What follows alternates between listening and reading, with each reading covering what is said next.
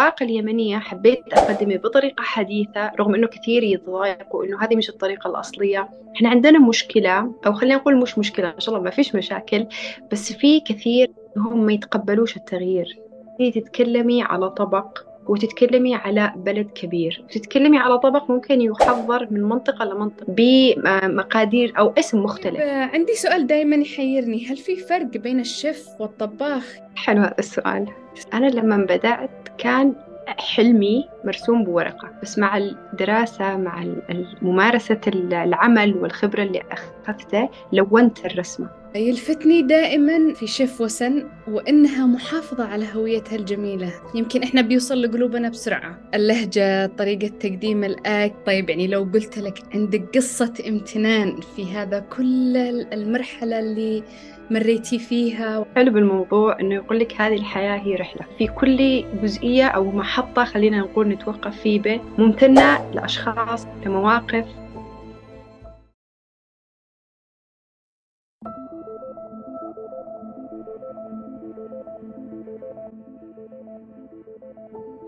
أولا يسعد مساكي وأهلا وسهلا ونورتي بودكاست امتنان. مبسوطة جدا بهذه الاستضافة الجميلة. آه، معي اليوم شيف وسن. نورتي قناتي.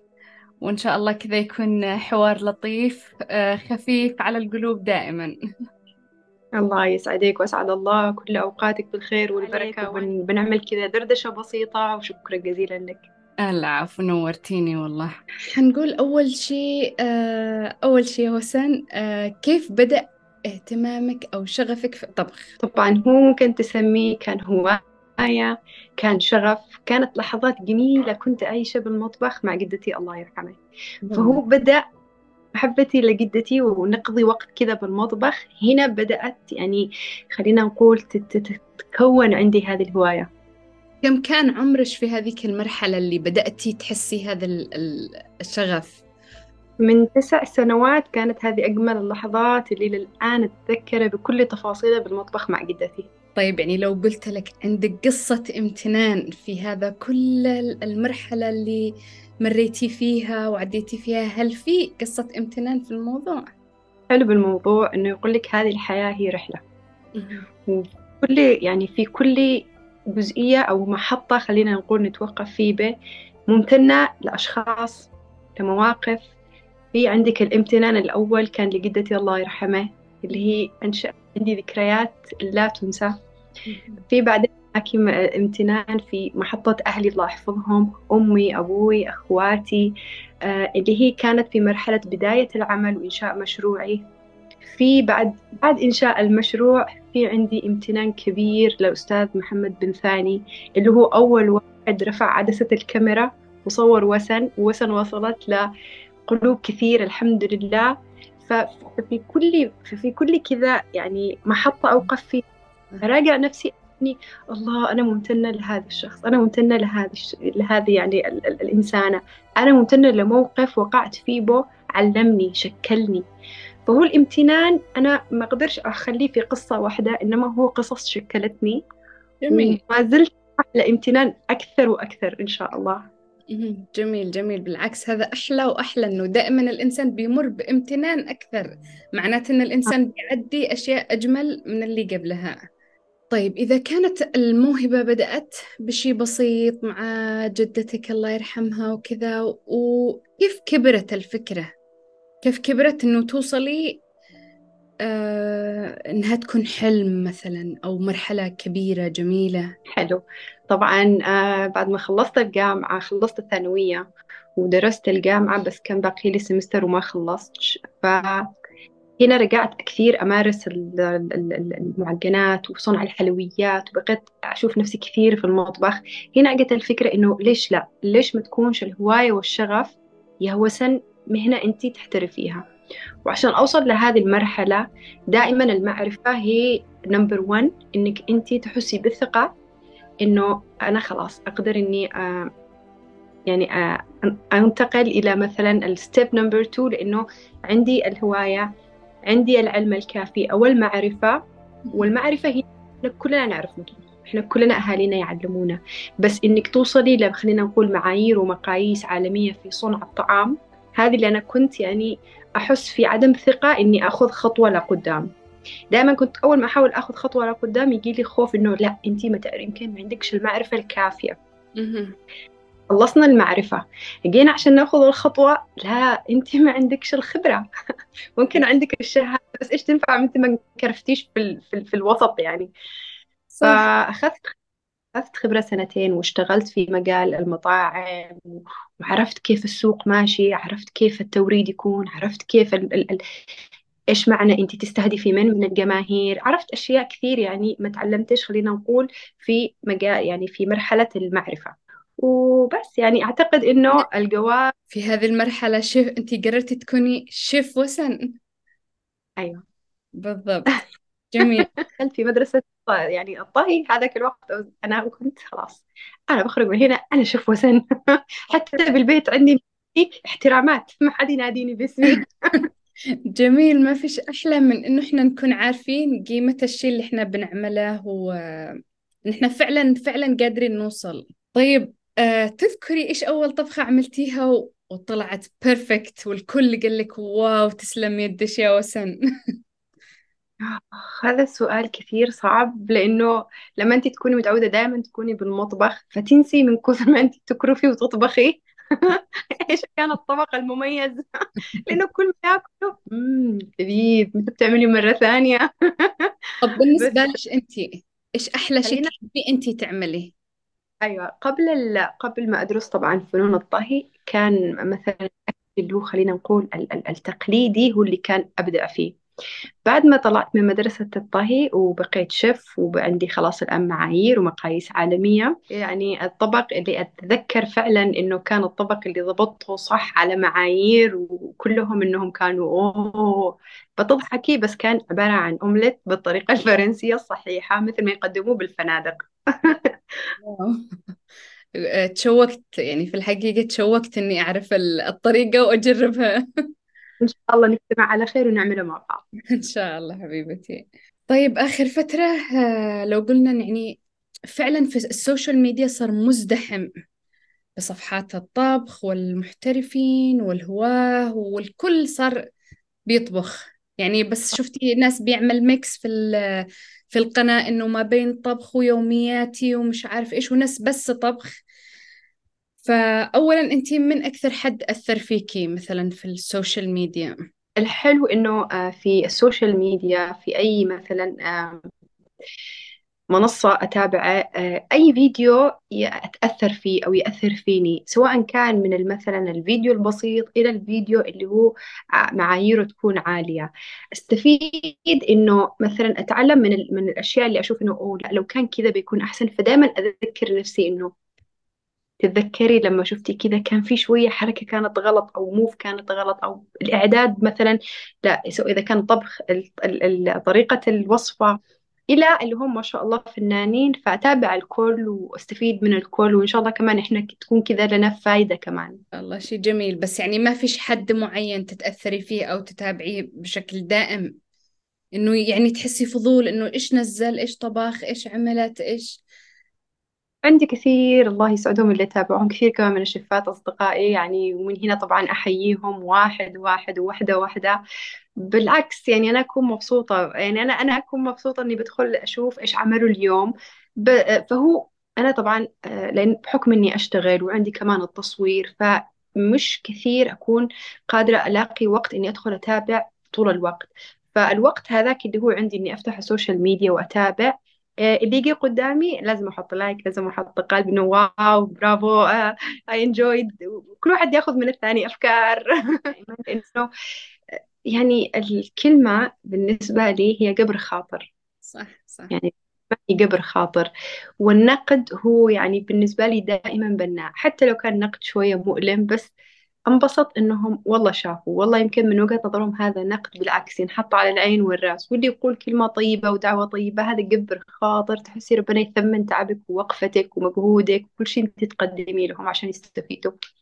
طب انت لما بدأتي الصفحة الطبخ شيف وسن هل دخلتي على طول في الطبخ إنه مثلا أقدم مأكولات مثلا بلدي أو تقليدية أو شيء أو كنتي داخلة بانفتاح على كل المطابخ؟ لأنه أنا اللي لفت نظري الشيء الحلو في التقديم إنه آه، لا الشيف وسن فعلا بتقدم آه، أطباقنا الجميلة بس بصورة حلوة مختلفة مميزة فشي ملفت للأمانة. الله يسعدك طبعا وشكرا.